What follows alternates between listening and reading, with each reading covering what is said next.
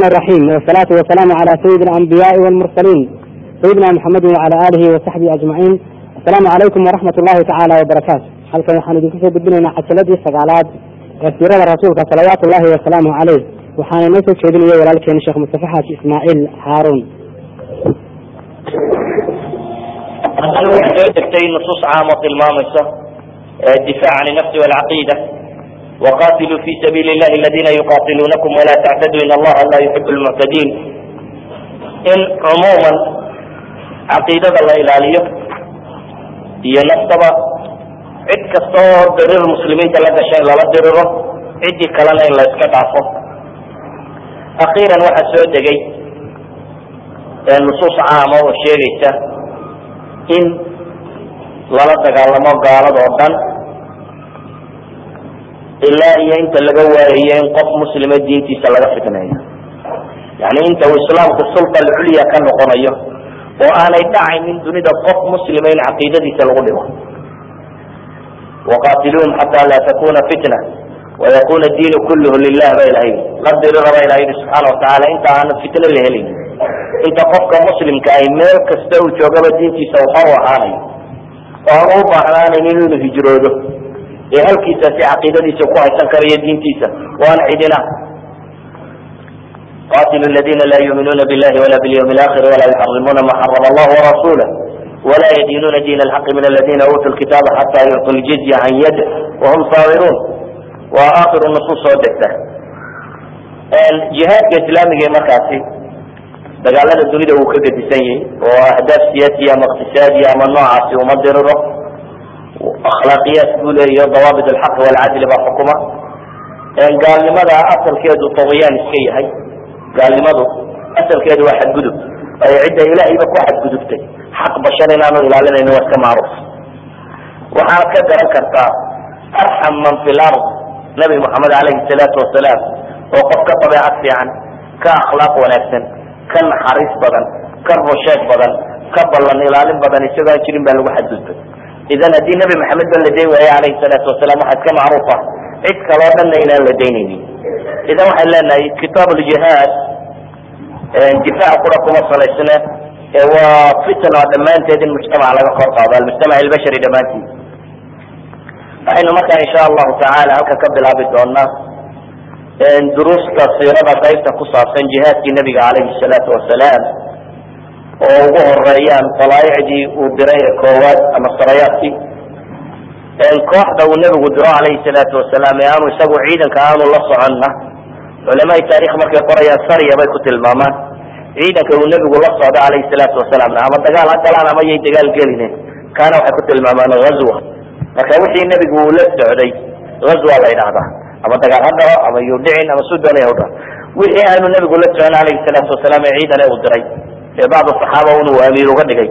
Ama iyana dagaal ha ka dhacaba yuu ka dhicina sarya baa lagu tilmaamaa wuxuu nebigu bilaabay calayhi salaatu wasalaam markaasi in uu diro dalaa'ic ama kooxo.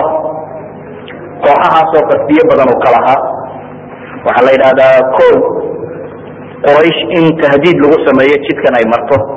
Oo quraysheen waxaynu nihi waa wadan markii waxay ku salaysnayd tijaarad. Tijaaradana sham iyo yeman bay u kala qaban jireen marka xagga shamna madiina ka xigta in tijaarahan qurayshyaka tahdiid lagu sameeyo waayo maadaama adduunkii iyo wixii muslimiinta haysteen oo dhan dhaceen dee dagaalna yaryaraysiba aanu lahayn in markaas iyagana qawaafishoodan tijaariga ee ku socota shimaalka in la gooyo. Waxaa kaloo dalaaicda kooxaha yaryar u nebigu saaray alayhi salaatu wasalaam uu ka lahaa in muxaalafaat la sameeyo iyo muwaadacaat qabaa'ilkan carbeed ee agagaarkan madiine iyo duleebadeeda iyo wixii aan quraysh ahayn in heshiisya la soo galo.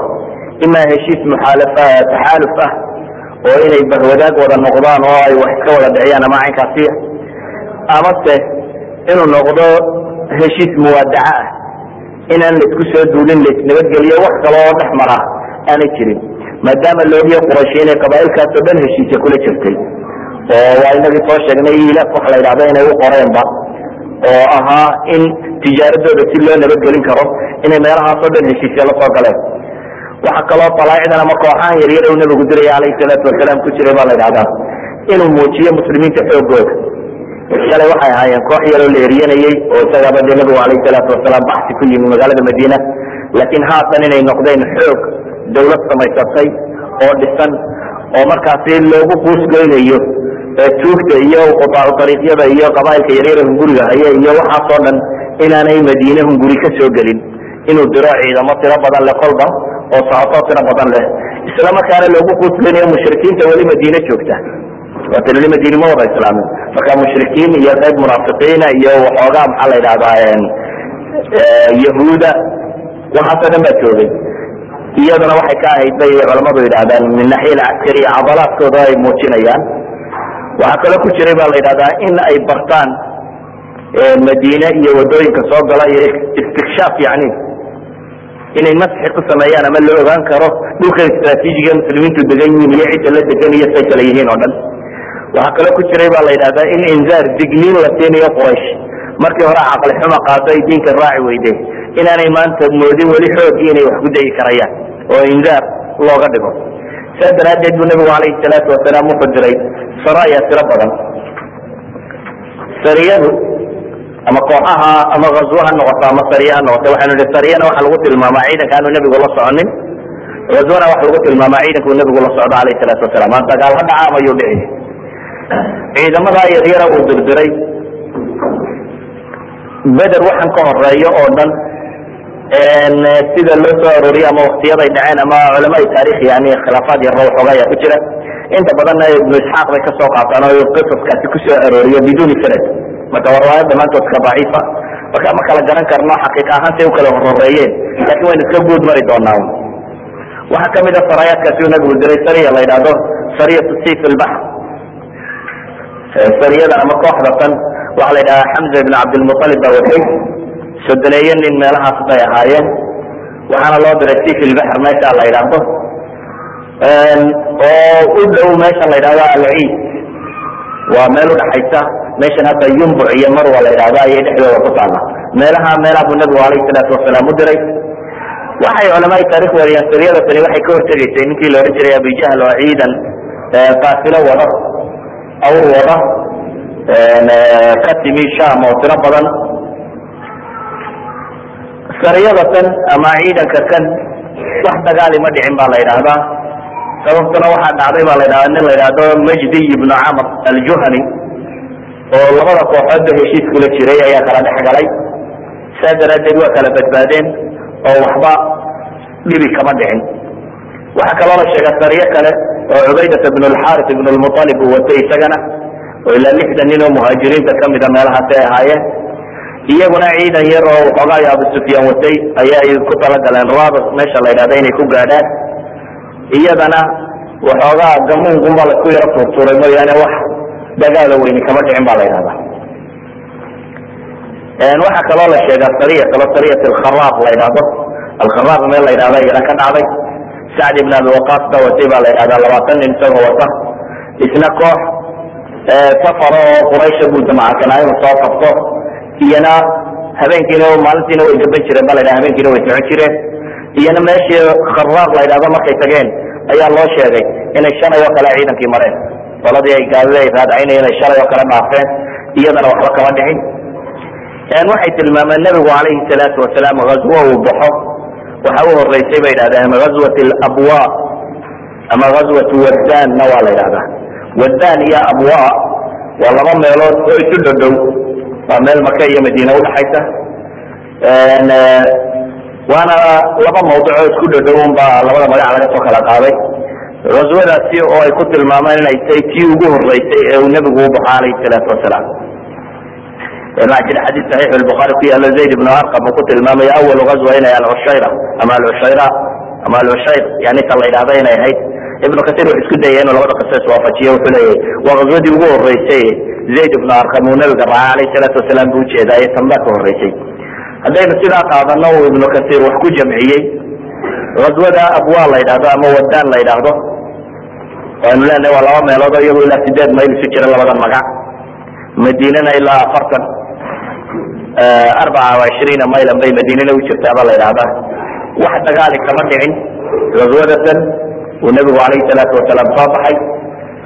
Manay ishelin nimankii uu raadinayey mujarad waxay heshiis wada galeenun qabiil meesha deganaa oo bani damra la yidhaahdo qabiilkaasi bani damra la yidhaahdo ayuu nebigu wuxuu la galay calayhi salaatu wasalaam heshiis muwaadaca ah in la isnabadgeliyo oo aan wax dhibi kala gaadhin iyaga muslimiinta kaas baa la wada galay ghazawaadkaasi la sheego ee yaryare hore beder ka horreeya haddaynu iska wada guud marro waxaa jirta ghazwa iyana la yidhaha ghazwatu buwaad ghazwatu buwaad iyaduna meesha radwa la yidhahdo yumbucu dhow. Ayuu nebigu calayhi salaatu wasalaam u soo baxay. Isagoo ilaa laba boqol oo saxaabi wata. Iyadana quraysh safaradooda mid kamida un baa la rabay in la qabto iyana may dhicin waa waa ka baxsatay. Buwaad iyo radwa labadaba waa la ydhaha iyana waa laba makaano isu dhow waxaa kaloo la sheegaa ghazwo kaloo la ydhaha ghazwatu safwan. Ghazwada tani iyada dib aynu ka tilmaami doonaa waxa weeyaan nin la yidhaahdo kurs ibnu jabir alfihri oo qolada gaaleed tirsan ayaa weerar soo qaaday. Dabeetana mushrikiintii xaggoodu ka yimi magaalada madiina duleedadeedu yimi wuxuu magaalada ugu gagabadaba xoolu dhacay. Xoolihii intuu dhacay bu dabeetana la cararay nabiga calayhi salaatu wasalaam iyo saxaabadiiba khayradoonka u yimi inay xoolo la dhacay. Ciidan buu nebigu ka soo daba saaray laakiin lama gaadhin ee wuu baxsaday ninkaas la yidhaha kurus wuu baxsaday raabcadaasi uu nebigu ku soo baxay ghazwadatan waata ay culamada qaarna ku tilmaamaan waa beder lula ama beder sura ilaa meesha beder la yidhahdo yimi. Kadibna muu soo gaadhin nimankaasi. Saasaa lagu kala baxsaday ghazwada kale iyana waxa la yidhahdaa ghazwat lushayra iyana waxun bay ka mid tahay dagaalada yaryar uu nebigu soo baxay calayhi salaatu wasalaam ciidan sham ku socday quraysh oo sham ciidan ay leedaha ku sii socda ama safar ay leedaha ku socda buu ku talagalay inuu soo qabto iyana ma dhicin in la qabto ee baxsato markaana qabiil la yidhahdo bani mudlij ayuu nebigu calayhi salaatu wasalaam heshiis la galay bani mudlij ayuu heshiis la soo sameeyey dabeetna nebigu calayhi salaatu wasalaam dib buu soo noqday. Markaynu eegno wax dagaal oo dhacay waxa jira sariya la yidhahdo beder ka horeeyey intaa hore oo dhan wax dagaali ma dhicin. Isturtuur yaryar iyo un raadaraada iyo goob un bay ahayd waana la iswaayey wixii ugu horreeyey cid lagu dilaa waxay ahayd sariyatu nakla kooxda loo yaqaanay. Sariyatu nakla markaynu isku soo ururino axaadiid saxiix ligayrihi iyaba qaarkeed ku soo arortay aayaadka sababta ay ku soo degtay qaarkeedna waxa ku soo aroray yani riwaaya mursala oo isnaadkeedu xasan yahay sariyada duuduub ahaan markaynu tilmaamno waxa ay sheegaysaa saxaabiga la yidhahdo cabdillahi ibnu jaxsh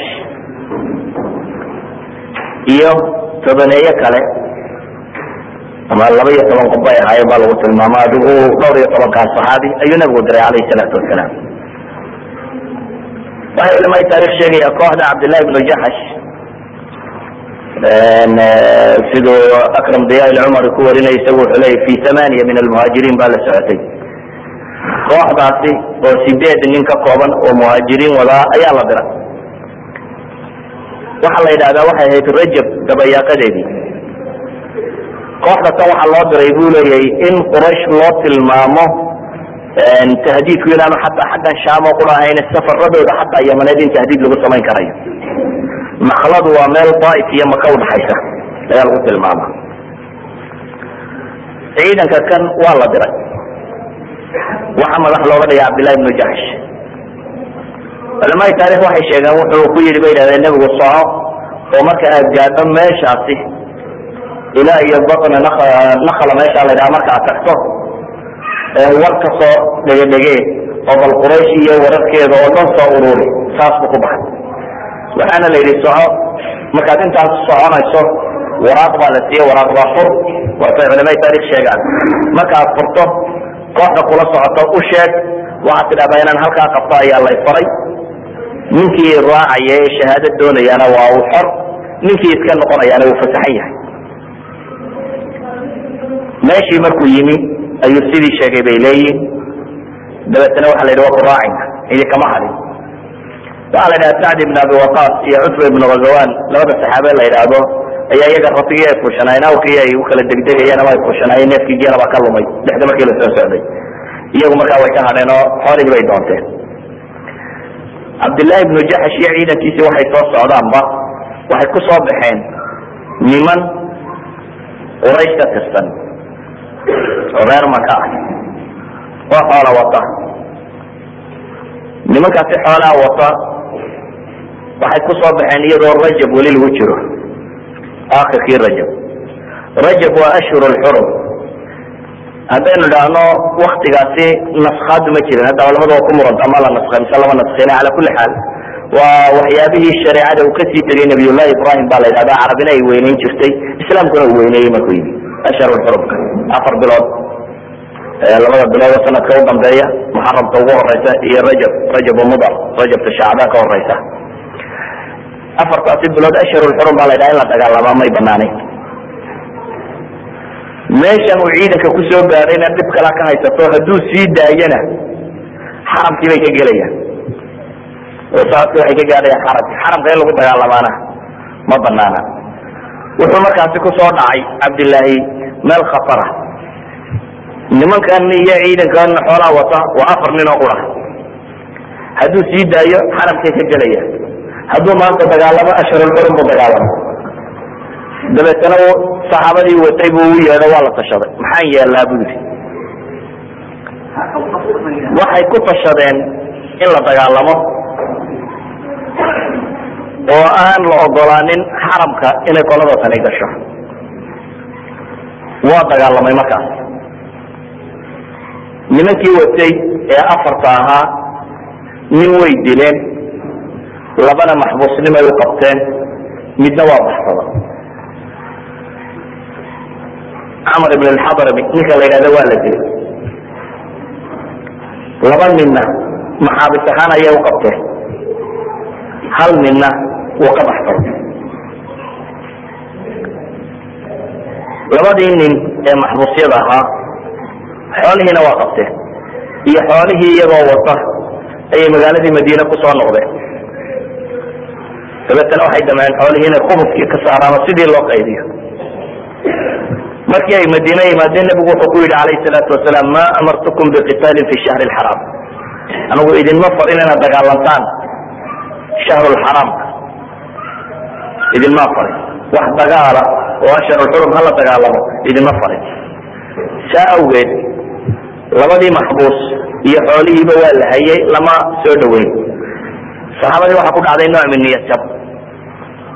Waayo ficilkoodii muu aqbalin nabigu calayhi salaatu wasalaam. Xoolihiina halkaa la iskaga hayaa labadii nina maxbuus ahaan baa loo hayaa quraysh awalba dacayad bay iyadu waday.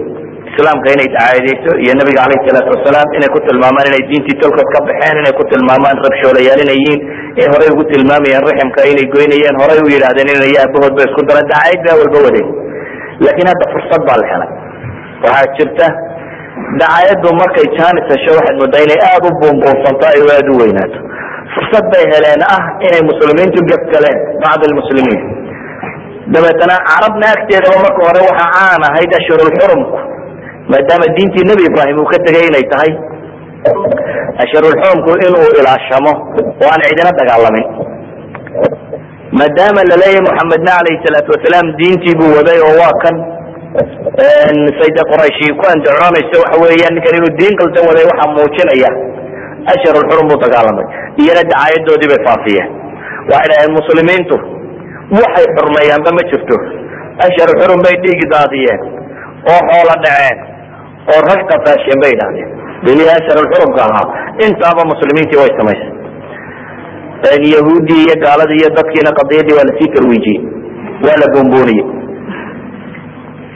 kadib arrinkan ilaahay baa ka fatwooday subxaana watacaala ilaahay baa qur'aan ka soo dejiyey ilaa maanta la akriyo oo mas'alada tan fatwo ka dhiibaya ilahay wuxuu leeya yas'aluunaka can shahri alxaraami qitaalin fiih waxay ku weydiinayaan ba ilahay yihi subxaana watacaala bilaha asharulxurumka dagaalku suu yihi dagaalka la dagaalama asharulxurum ka waramaba ayay ku weydiinayaan ba ilahay yihi subxaana watacaala ilahay baa ka fatwoonaya wuxuu yihi qul qitaalun fiihi kabiir. Asharulxurumka oo la dagaalamaa waa kabiira min alkabair laa yajuz fi shariica. Ma banaana waa gafkii ay muslimiintu gashay marka. Lakin waxaa kaloo alla yidhi subxaana watacaala wasadun can sabiili illah wakufrun bihi wlmasjid alxaraam waikhraaju ahlihi minhu akbaru cinda allah wlfitnatu akbaru min alqatl ilahay wuxuu yihi subxaana watacaala ilahay jidkiisa dadka loo diido oo inay islaamaan laga celiyo alle oo laga gaaloobo masjid alxaraamka oo jidkiisa la jaro dadka laga saaro ehelkiisa oo laga saaro masjid alxaraamka oo laga saaro dee muhaajiriinta ila waxan o dhan dhulkaa laga eriyey. Intaasaasi ka weyn ba ilahay yihi subxaana watacaala markaasaa ilahay wuxuu kaloo yihi walfitnatu diinka saarka dadka diinta laga saaray diintooda lagu dhibo ayaa akbaru min alqatl. Dilkana taasaa ka sii weyn ba ilahay yihi subxana watacaala ilahay qadiyada tan wuu kala xukumo waxaa la xukumay khata inuu ahaa muslimiintu bay gashay idan nusuustan iyo qisadasani runtii macno aada u ballaaran bay sharxayaan. Una baahan yihiin dadka muslimiinta inay markasta fahmaan ko waxay sharxayaan dad kasta oo muslimiin oo isku daya inay islaamka soo celiyaan. Inaan laga waayinin akhta inuu khata dhici karo. Taa macnaheedu inaan ahaynna haddii mar ay gaf galaanna inaanay ahayn kuwii diintaba sheeganaya ama wadaadada sheeganaya maanka sheeganaya gafkan galay gaf waa bini aadam waa la geli karaa. Mar labaad waxay nusuustani sheegaysaa gaf haddaad aragto walow ka kugu weynna ha ahaada cidda gashay inaan waxba la dabdaboolin oo tabriir loo samaynin. Gafku waa gaf waayo ilahay xaggii baa laga galay. Waxa ilahay xaggii laga galayna ma laha sheekh baa galay iyo shariif baa galay iyo baa galay. Haddii la gafo la gafay weeyaan. Waa macsi. Idan iyaduna tabriir uma baahna. Inaad tidhaahdo nimankani niman mujaahidiin ahayno de way dadaalayeen waa kaasuna caynkaasi laakiin intaa yarun bay ku dhaceen. Inta yari laakiin khalad bay idan islaamku waxa ilaahay nagu tarbiyeynaya tarbiyo ah in la baro dadka sida wax u dhacaan. Waxaa la tilmaamay mujtamaca kani wax kale umay socon cabdillahi ibnu jaxsh iyo saxaabada kale muhaajiriinta ee la socota. Amarkii nabi maxamed bay ku baxeen calayhi salaatu wasalaam waxaanay la dagaalamayna gaalay ahayd waxay raadinayeen inay islaamku weeyaan ubay ahayd haddana way qaldameen. Oo qalad bay ku dhaceen. Idan waxaad garan kartaa cid kasta xaqa doonaysa inaanay macnaheedu ahayn wax kasta uu inay saxtay ee mararka qaarkood qaldami karo. Kaasi waa mid.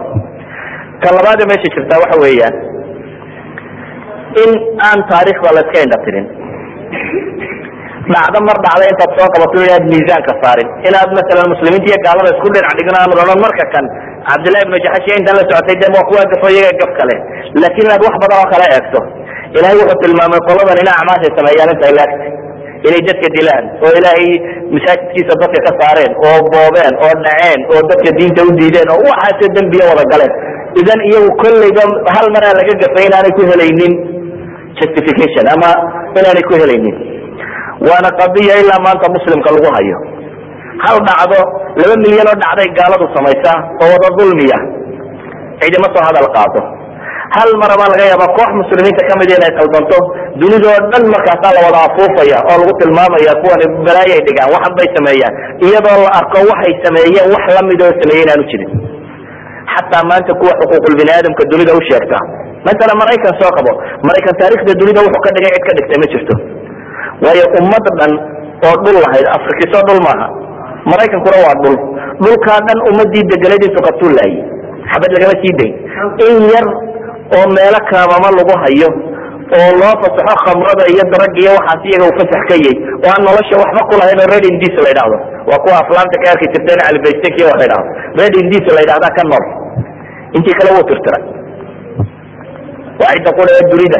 Bini aadam madaxa kaga dhufatay atomic bomb wuxuu leeyahay hub khataraad baad haystaa cidda qura dunida intay hub khatara samaysay haddana dhufata waa maraykan bini aadam kaleo dunida ku kor nool oo intuu nuclear wiiman sameeyey cid ku dhuftay ma jiro. Marka laysku wada duuduubo waxaan uga jeedaa un. Gaal kasta dunuubtu sameeyaa ka badan dunuubta dadka muslimiinta ay gashay intu doonaba hala ekaade laakiin taa macnaheedu maaha inaynu dhahno muslimiintu dembigay gashana hala qariyo dembigu waa dembi. Ciddii doonta ha gashay. Ilaahay baa miisaankan qur'aanka inagu baray markaa kooxdan dambaabtay. Ilahay baa qur'aanka inagu baro wuxuu leya yasaluunaka can shahri lxaraami qitaalin fiih. Waxay kuweydiinayaan ba ilahay yihi subxaana watacala ashhar lxurumka in la dagaalamo. Qul qitaalu fiihi kabiir. Waa dembi weyn ba ilahay yihi muslimkaana sameeyey lakin ilahay wuxuu kaloo leeya wasadun can sabiili illah وكفر به والمسجد الحرام وإخراج أهله منه أكبر عند الله والفتنة أكبر من القتل فتنة كسي وين با إلهي إلهي سبحانه وتعالى قتله إذا وحى إلهي آيات كنت المامية قال يدكم مقدسات كما وما إذن دوري جرين وحى إلهي جرت إنما جريني محا مرقنا والمقدسات في وحوين كدقي مرقنا والمحافجة يعني ومركي تايدو كجرتنا markay dadka kala tahayna waa in la yareeya oo aada loo yareeya qadiyadda tanina mar kastaba mushrikiinta iyo muslimiinta dhexdooda waxaa yaalay marka kan dagaal rasmiya ah oo quraysh marnaba nabad lama gelin. Waxaa soo degay baynu leenahay markaasi nusuus badan oo qur'aana oo ilaahay subxaana watacaala ku farayo dadka mu'miniinta inay dagaalamaan ama wax iska dhiciyaan. Waqaatiluu fi sabiili llahi aladiina yuqaatiluunakum.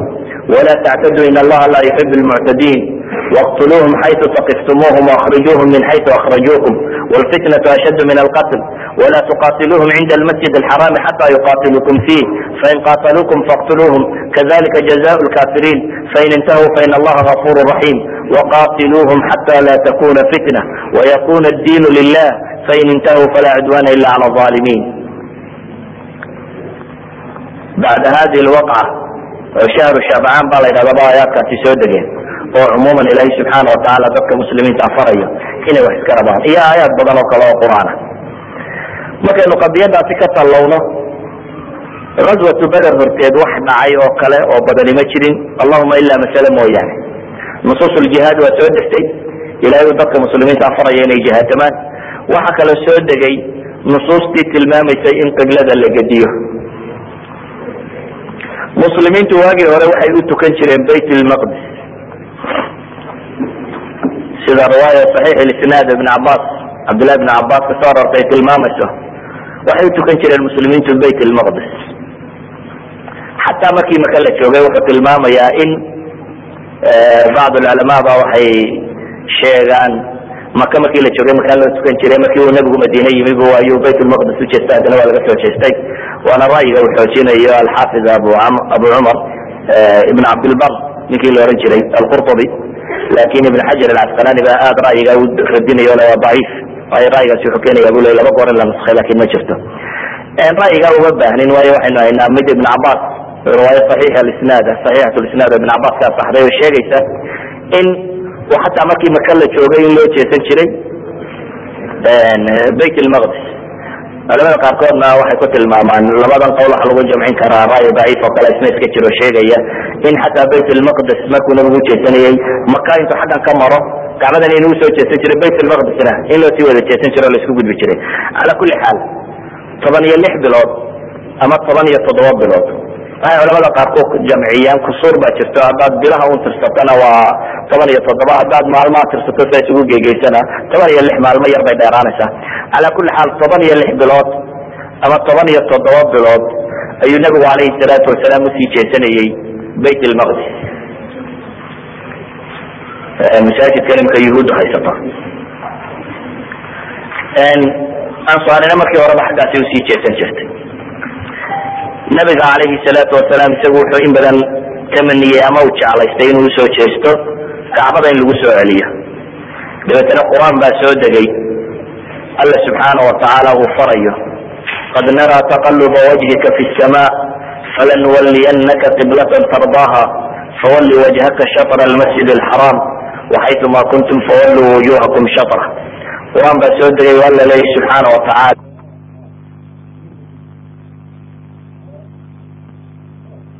bilood ama toban iyo toddoba bilood ayuu nabigu calayhi salaatu wasalaam u sii jeesanayey bayt lmaqdis masaajidkan imika yuhuuddu haysato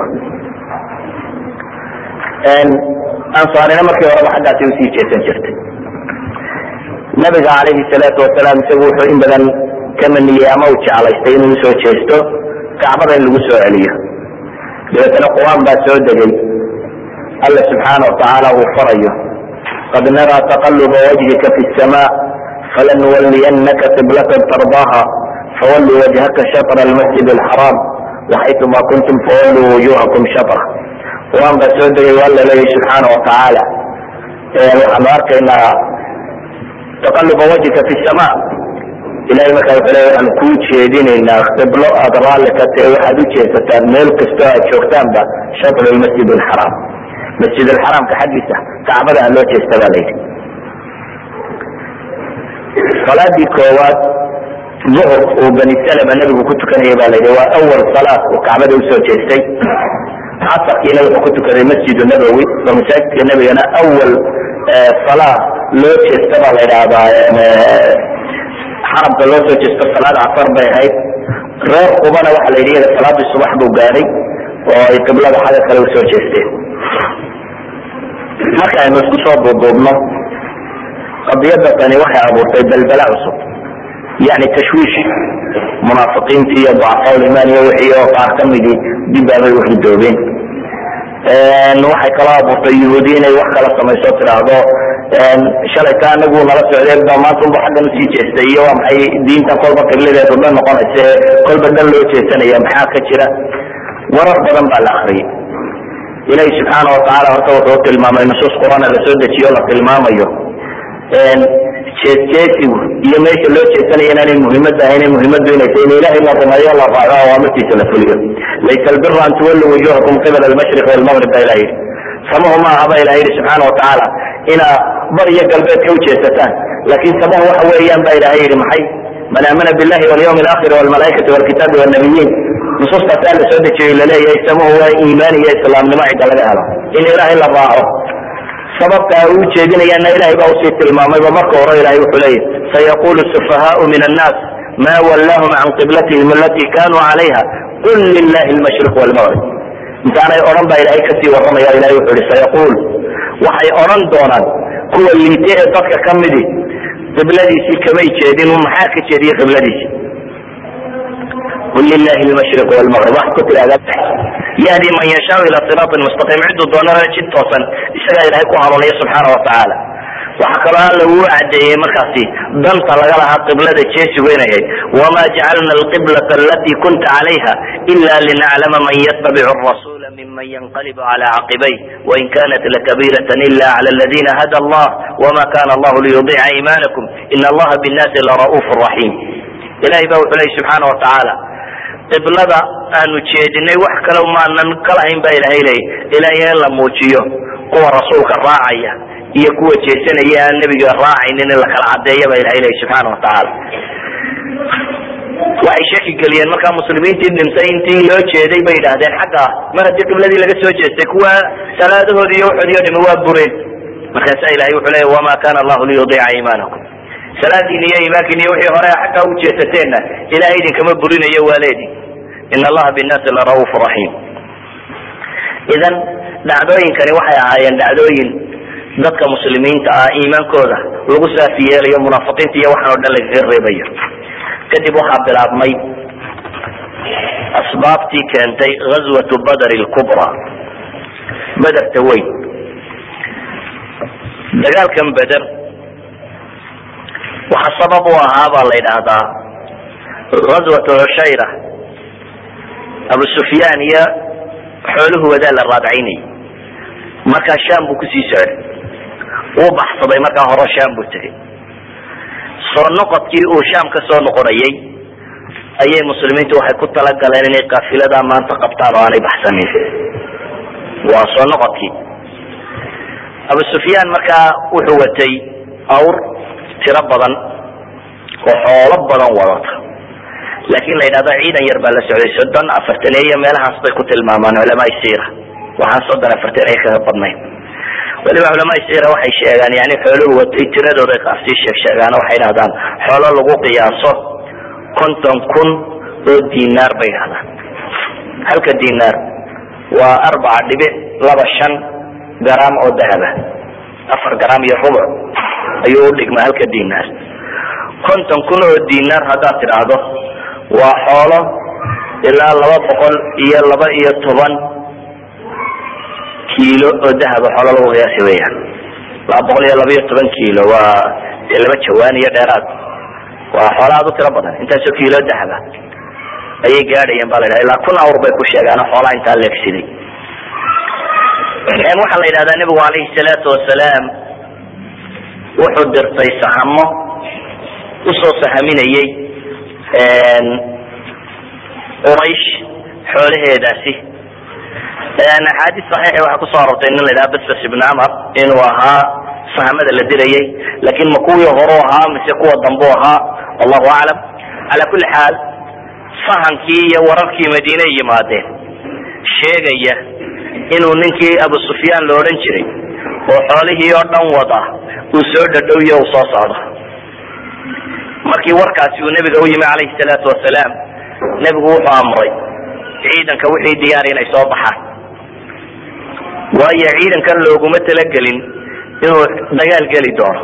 Ee waxaa loogu talagalay afartankaa nin ama soddonkaa nin ee awrtaasi safarkaa wadata iyo xoolahay wadaan in la soo qabto. Sida daraaddeed lama sugin saxaabadii masalan cawaaliga deganayd waataynu soo marnayna madiina xaggeeda sare qabail dee awsi khasraj mid ahaan inay dhankaa deganayd oo guryahooda u badnaayeen. Saa daraaddeed nabigu alayhi salaatu wasalaam wixii soo dhaqaaqi karayay ayuunbu yihi soo dhaqaaqa. Wixii dhadhawaaye markaa meelahan joogay unbaa soo baxay baa la yidhahdaa ciidankan soo baxay waxaa la yidhahaa ciidan tiradiisu aanay badnayn ba cikrama wuxuu sheegayaa nabigu alayhi salaatu wasalaam laba nin oo cadiy ibnu zakba ninka la yidhaha basbas ibnu camr ninka la yidhaha labadaa nin oo daliica ah inuu beder u sii diray uu yihi kaafilada yani bal warkoodana iisoo raadiya ay la noqdeen waa warka kan. Lakin xadiis haabit oo saxiixu muslim ku yaal ba wuxuu sheegaya basbas ninka la yidhahda inuu ahaa daliilkii ama jasuuskii nabiga alayh salaatu wasalaam markan u sheegayay si kastaba ha noqotee war lahubaba yimi oo sheegaya ciidankaasi inuu soo dhow nabiga alayhi salaatu wasalaam wuxuu markaasi la soo baxay ciidan gaadhaya saddex boqol iyo toban iyo sagaal meelahaas. Sia imaamu nawowi sharxiisa ku sheegaya saxiixu muslimka saasaa ku qoran baan rajaynaya. Riwaayadda bukhaarina waxay sheegaysaa bidca cashara wa salasmia saddex boqol iyo dhowr iyo toban. Saddex boqol iyo dhowr iyo toban ah. Saddexdaa boqol iyo dhowr iyo tobankaas boqol kamidii muhaajiriin bay ahaayeen inta kalena waa sida uu sheegay inta kalena ansaar bay ahaayeen waa sida riwaayadda zubayr ibn lcawaam ay sheegayso. Zubayr alcawaam oo kamida nimankii xaadiray dagaalka ka joogay. Laakiin riwaayad kale oo saxaabi yari uu soo warinaya albura ibnu caazib oo albura ibnu caazibna nin dhalinyaraa bu ahaa oo kamuu mid ahay nimankii beder xaadiray. Waxaabuu ka mid ahaa nimankii yaraanta daraaddeed loo celiyey ayuu ka mid ahaa bura ibnu caazib oo aan kuwa xaadiray ka mid ahayn isagu wuxuu sheegayaa muhaajiriintu yaziiduun cala sitiin yani lixdan inay ka badnaayeen un ansaartuna inta kale laba boqol iyo afartaneeyo ama yaziiduun cala arbaciin waa mia boqol iyo afartaneeyo meelahaas inay ahaayeen. Kutubta maraajicda rasmiga marka la eego asxaabta magaca bedriga aygu u soo arooray waxay gaarsiiyaan ilaa ugu badnaan saddex boqol iyo afartaneeyo ayay gaarsiiyaan saddex boqol iyo afartan waxay ugaarsiiyaan rag baa la isku khilaafsan yahay hebel bedri buu haye bedri ma ahayn.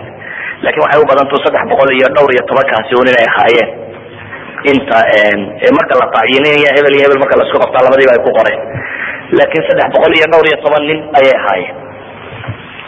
Waxaa kaloo ka muuqata xataa nabigu alayhi salaatu wasalaam ciidan badsasho badan inaanu doonaynin. Xataa waxaa la yidhahdaa waxa yimi magaalada inkastoo culamada qaarkoodna ay u daliishadaan cahdiga oofintiisii inay ahayd. Masala xudayfa bnu lyaman iyo aabihi oo soo hijroodo dhexda maraya ayaa ciidankii quraysheed qabteen. Markaasay idhahdeen maxamed baa ku socotaan aga u socotaan maxamed soo maaha ma hijroonaysaan? Waan may magaalada madiinaan ku soconaa bay idhahdeen madiina ayaan ku soo socnaa waa iska tawriyaysteen dabeetana waxay dhahay haddaydan ka dhabtoo madiina ku socotaan idin sii daynayna laakin ballan noo qaada inaydan la soo dagaalgeli doonin. Ciidanka inaydan soo raaci doonin. Ballan bay u qaadeen. Soo dagaalami mayna bay idhahdeen xadiis saxiix muslim ba ku yaalla ballan bay uqaadeen inaan soo dagaalamayn dabeetana way sii daayeen. Labada nin waxay la kulmeen ciidankii oo nebigu diyaarsanayo saddex boqol iyo dhowr iyo toban kano soo baxaya bay la kulmeen. Waxay dhaheen ilahay rasuulkiisiyo nimankii anaga wayna qabteen ballan bay naga qaadeen ah inaanan dagaalka soo raacin ee mujarad inaanu un madiine u soconay. Maxaanu yeelnaa ballankaana waanu gallaya wuxuu nabigu ku yidhi alayhi salaatu wasalaam nafi lahum cahdahum ballankoodana waanu u oofinayna inayna u tala saareen naaska taga. Labadii nin ballankay ka soo qaadeen way oofiyeen. Ballanku waa shay ku adag islaamka. Walidalik ba fuqahada muslimiinta qaar kamida waxay tilmaamaan xataa haddaad maxbuusnimo lagu qabto bay idhahdeen gaalku aad qabtay dabeetana waxa lagu yihi xoola isku furo.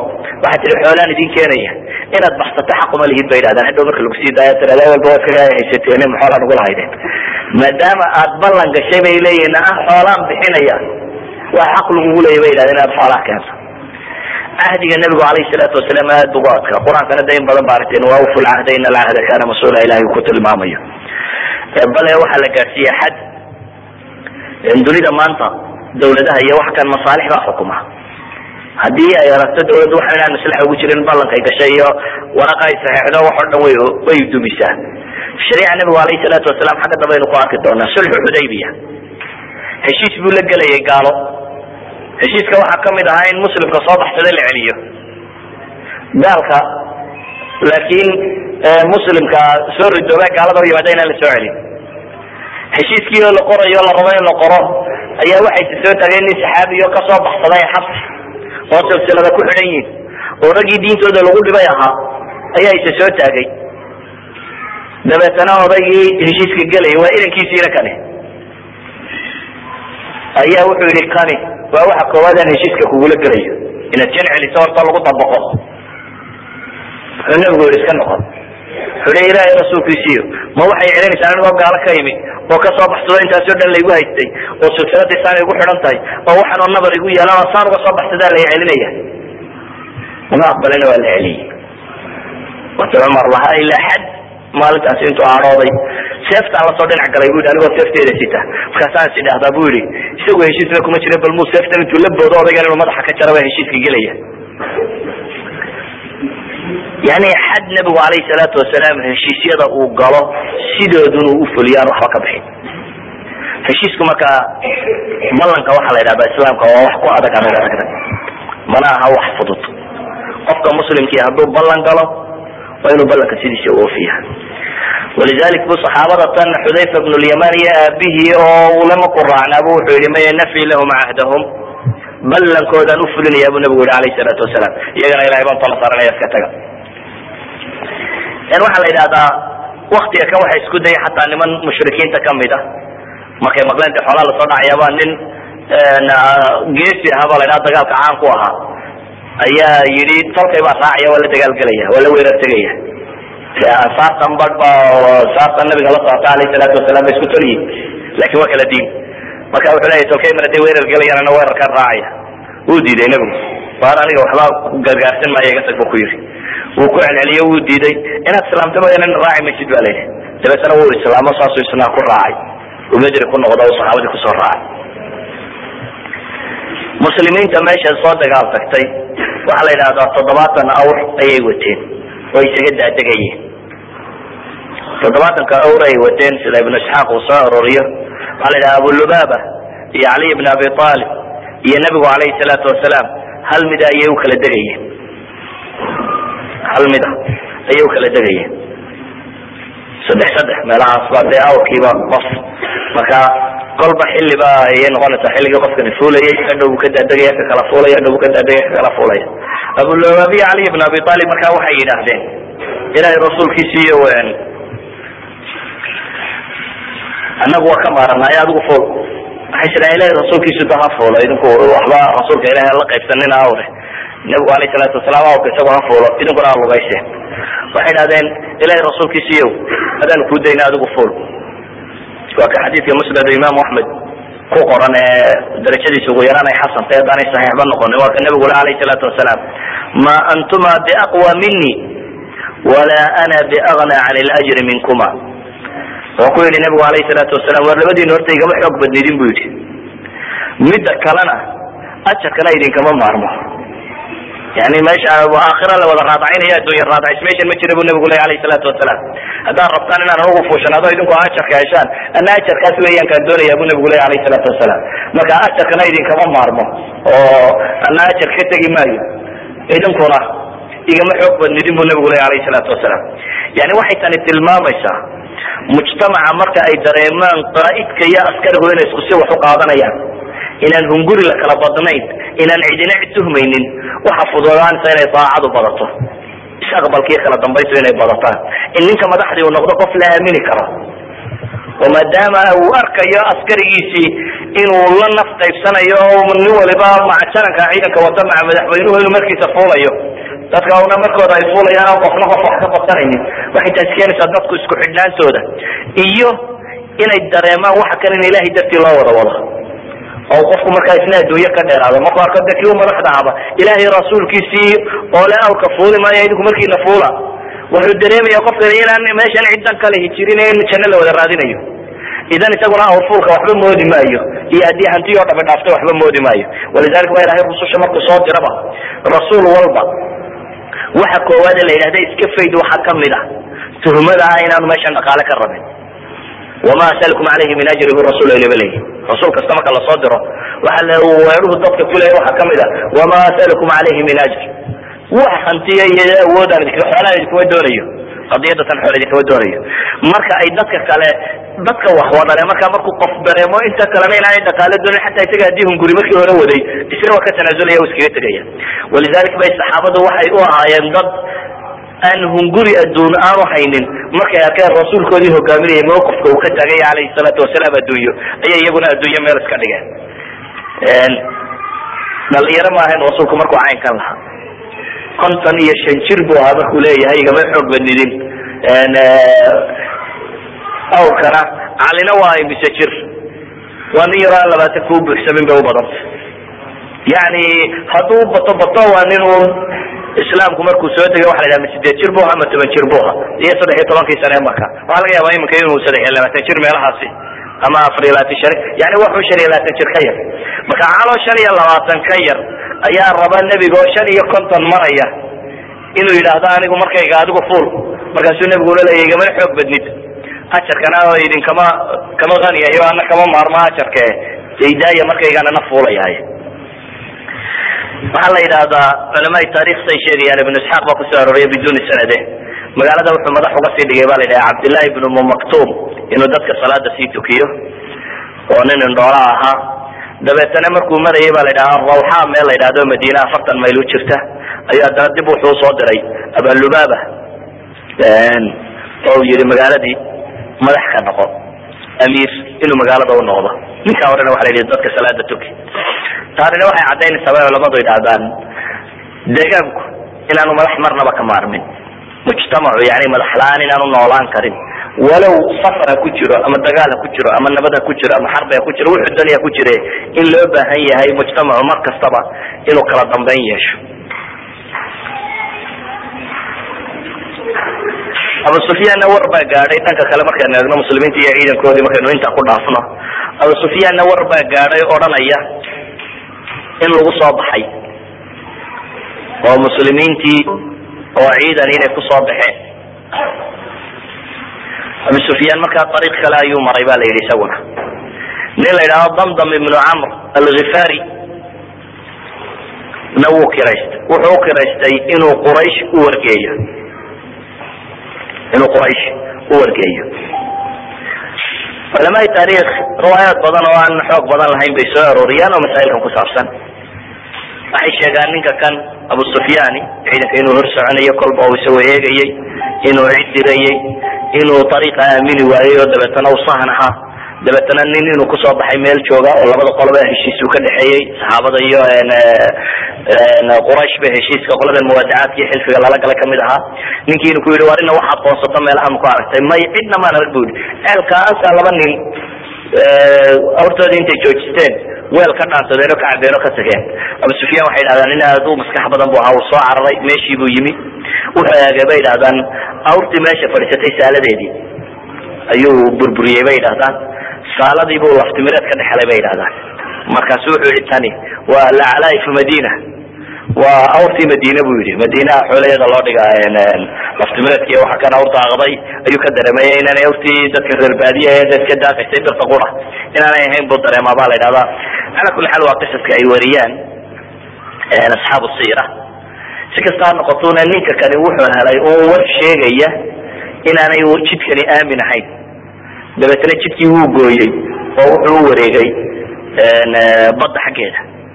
Baxrilaxmarka dhinaciisa badda cas dhinaceeda wado ah ayuu u tallaabay inuu madiinaba xaggaa ka wada maro oo uu dhinacaasi ka wareego ayuu ku tashaday. Wuxuu kaloo diray ninkaasi damdam ibnu camr la yidhahdo alkhifaariga ah. Waxaanu u diray ninkaasi quraysh u tago waxaad tidhaahdaa xoolihiini haddaad difaacanaysaan kaalayo difaacda. Ibnu cabaas iyo curwa ibnu zubayr bana waxay sheegaan islaantii caatika bintu cabdilmualib la odhan jiray nabiga eedaw ahaydna waxaa la yidhaha way riyooto waxay ku riyootay. Quraysh oo nin istinfaar uu weydiisanayo waa soo yaacay uu leeyahay oo dabeetana dhagax weyn uu kaga soo turay jabal abu qubays buurta dhinacan ka xigta oo dhagaxii intuu burburay magaalada maka uu galay oo guri kasta uu wax ka dumiyey oo kale. Waxaana yidhahdaan riyadaasi waaba sababta isku qabteen baa la yidhahdaa cabaas iyo abijahl baaba dhibi ku kala dhex mari gaadhay baa la yidhahdaa. Ilaa iyo uu ka yimi laakiin isnaadka qadiyadaas ku soo aroortay waa isnaad iska daciifa waayo waa mursal. Lakin de mursalka daciifa sanadka intiisa kale waa xasan bay idhahdaan ibnu isxaaq ilaa iyo ragga irsaaliyiinta laga gaadhsiinayo. Labada mursal haddii la isugayo ma isxoojinayaanna de waa la tilmaama haddii meelahay ka soo kala bixin ay kala gedisan yihiin si kasta ha noqotee waxaa la yidhaahdaa ninkii damdam ahaaba magaalada yimi. Culamada taarikh waxay sheegaan damdam qaab u naxdin badan bay soo arooriyaan iyaduna oo ah magaalada markuu soo gelayay awrkiibuu koora xagga kale urogay oo sanka soo jaray oo maradu iska soo tuuray oo yani balaaya sheeg nin oo maaha si bidhaantiisu ay u tilmaamto un hayayd iyo tolay iyo kakacayda isagoo rooraya markaasi oo qaylinayo noocaas oo kale soo galay oo le allatima allatima allatima leh. Le allatimadu waa xoolahan sida iibka iyo waxaasi.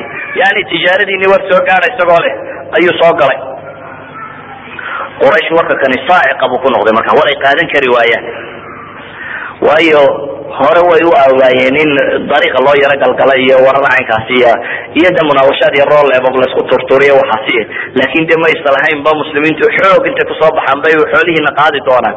Kumay talagelin mida kale xoolaha kale waxay ahayen ba la ydhaha xoole aad u tiro badan leh.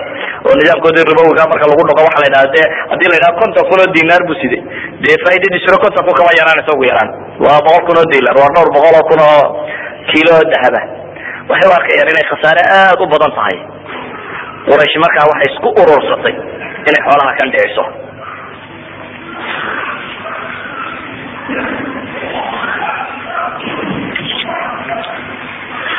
quraysh waxay isugu tagtay xoolahan siday u dhacsan lahayd inay samayso.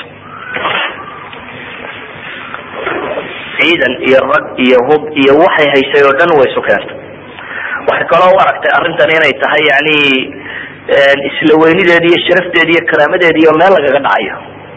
In kooxdii yarayd ay magaalada ku dhibeen ee yaacday ee baxsiga ku baxsatay. Quraysh ba tijaaradeedii ugu waaweyneyd inay qoladaasi hunguraysaa inay u tahay markaa nimanka kan yani wax la dulaysanayo kale. Quraysh dulaysi la dulaysanayo kale bay u arkeen. Inta aanay kaba fekerin qadiyada tijaariga ah oo ah yani xoolaha intaa leega la dhacayaba intaanay qiimaynba waxay u arkeenba meelka dhac weyn inay ku tahay sharaftidii quraysheed. In maanta waxeedii la boobo. Saasi daraadeed bay waxay cid haysatay oo dhan bay soo ururisay waxay yidhaahdaan ninka xataa dib isu yaro dhiga ama siraaraha odayada quraysheed ba tago lacanaato yani waa lagu dhasba dagaalka in loo soo baxo. Rawaayadka saxiixi waxay ku soo arooreen ciidan kun gaadhaya inay ku soo baxeen. Ibnu isxaaq biduni sanad isagu wuxuu ku soo saara sagaal boqol iyo konton nin meelahaas inay haayeen laakin waxa la yidhaha ciidan kun gaadhaya way ahaayeen. Bale culamada taarikh qaar ka mid waxay soo saaraan ilaa kun iyo saddex boqol inay marka hore ay soo baxayeen ahaayeen. Si kastaba ha noqotee ciidanka si loo macnawiyaadkiisa loo xoojiyo loo dhiirigeliyo ciidan qura lama saarin xataa waxaa la soo saaray baa la yidhahdaa dumarkii heesi jiray iyo kuwii durbaanka garaaci jiray iyo wixii oo dhan ayaa la soo kaxeeyo iyadoo durbaanka la tumanayo oo la heesayo ayaa laysu soo baxay ba la yidhahdaa waxay yidhahdaan si ciidanka loo dagaalgeliyo o aan loogu baahan kharash xataa maalgelinteeda waxa qaatay bay yidhaahdaan. Nimankaasi quraysh odayadeedii waaweynaabaa maalgelinteeda qaadato. Maalina sagaal neef uqasha maalina toban neef uqasha laakin ciidankaasi markuu dhexda marayay baa la yidhahdaa ayuu abu sufyaan haddana war kala soo diray oo uu leeyahay badbaadayo xoolihii waan baxsiiye hala celiya ciidanka. Dabeetana warkii baa yimi waxaa la yidhi hala celiya ciidanka abujahl baa diiday. Ihi may may may sharaftidayadiiba waa dhimatay iyadoo intaanu tagno aanu jabino oo ku geel qalanno oo habluu noogu heensaan oo warkayaga carabi gaadho warkayagu carab meel kasta u gaadho mooyaane. Noqosha naga dheer buu yidhi. Waxaa la yidhahda alaknas ibnu shariid. Nin la yidhahda yidhi warisani si maaha ciidanka hala celiyo. Waa la diiday. Markii la diiday isagu wuxuu yidhi tolkii reer banu zahra wuxuu yidhi reer banu zuhra ina celiya buu yidhi anigu ninka la dagaalgeli maaye. Ilaa saddex boqol oo nin ciidan ah ayuu ninkaasi dib ula noqday baa la yidhahdaa. Kunkii ciidanku dhadhawaada un baa meesha tan soo socday ninkani wuxu yidhi anaga dantaydu waxayd inaanu xoolahayaga ilaashano xoolahayagina hadday noo badbaadeen dagaal uma baahnin waa noqonayna kheyrkan xaliif bu weliba lahaa bay ku sii tilmaamaan laakiin maalintaa wixii ka dambeeyey baa la yidhaha magac iyo maamuus bu ku yeeshay oo taladiisa dambe lama diidin. Waayo qorashisay u jabtay iyo iyo suu tolkii meesha uga badbaadiyey ayaa si laba isyeelanay waayey noqday. Marka waxaa la yidhahaa reer banu zahra waxyaabahay ku caanka ahaayeen beder ninkagama dhiman baa la yidhi iyagu raggoodii oo dhame way kala noqdeen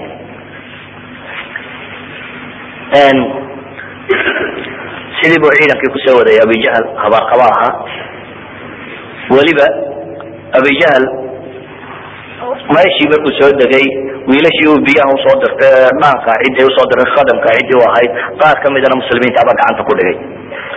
Oo weydiiyey waa kuway garaacayeen markay runta usheegaanna way garaacaan markay beenta usheegaanna way daayaan oo nabigu kula waa iska daayay markii dambe weydiiyey ciidanka iyo tiradiis musnad o imaamu axmed xadiiska saxiixa ku soo aroray isnaadka saxiixa ah. Waa la weydiiyey. Waxay u sheegeen maalina in toban la qalo maalina sagaal neef la dabeetana nebigu markaa wuxuu yihi alqawmu alf kula jazur kula jazurin lima wa tabaca waa ilaa kun nin markaa mar haddii maalina toban la neefkii geeli wanaagsanaba boqol baa ciidanka lagu wadi karaya muslimiintii warka ah qoladan la qabtay waxay sheegtay quraysh ciidankeediina inuu halkan soo socdo. Awrtina iyo geelina inay dabaxsadeen abu sufyaan kaxeeyey laakin lagama rumaysana muslimiinta waxay jecleed inay yidhahdaan waxaanu abu sufyaan baanu ka nimi iyo ciidan inay sheegaan may rabin waxay islahaayeen de waa saxankii xoolaha. Dabeetana waa ka qur'aanku masaladaa sawiraya. Kama akrajaka rabuka min baytika bilxaq fariiqa min almu'miniina lakaarihuun yujaadilunaka fi lxaqi bacdama tabayana kaanama yusaaquna ila lmawti wahum yanduruun id yacidukum allahu ixda طaa'ifatayn anaha lakum watawaduna ana gayra dati shawkati takunu lakum ba ilahy wayuriid llahu an yuxiqa alxaqa bikalimati wayaqطaca daabir alkafiriin yani inay muslimiinta qaar kamidi jeclaayeen un qaafilada yara xoolaha inay la kulmaan dee kumay soo talagelin ciidan kunina inay la dagaalamaan waxa kaloo meesha yaalla iyaguna. Baycadii aynu hore u soo maray ansaartu ay nebiga la gashay calayhi salaatu wasalaam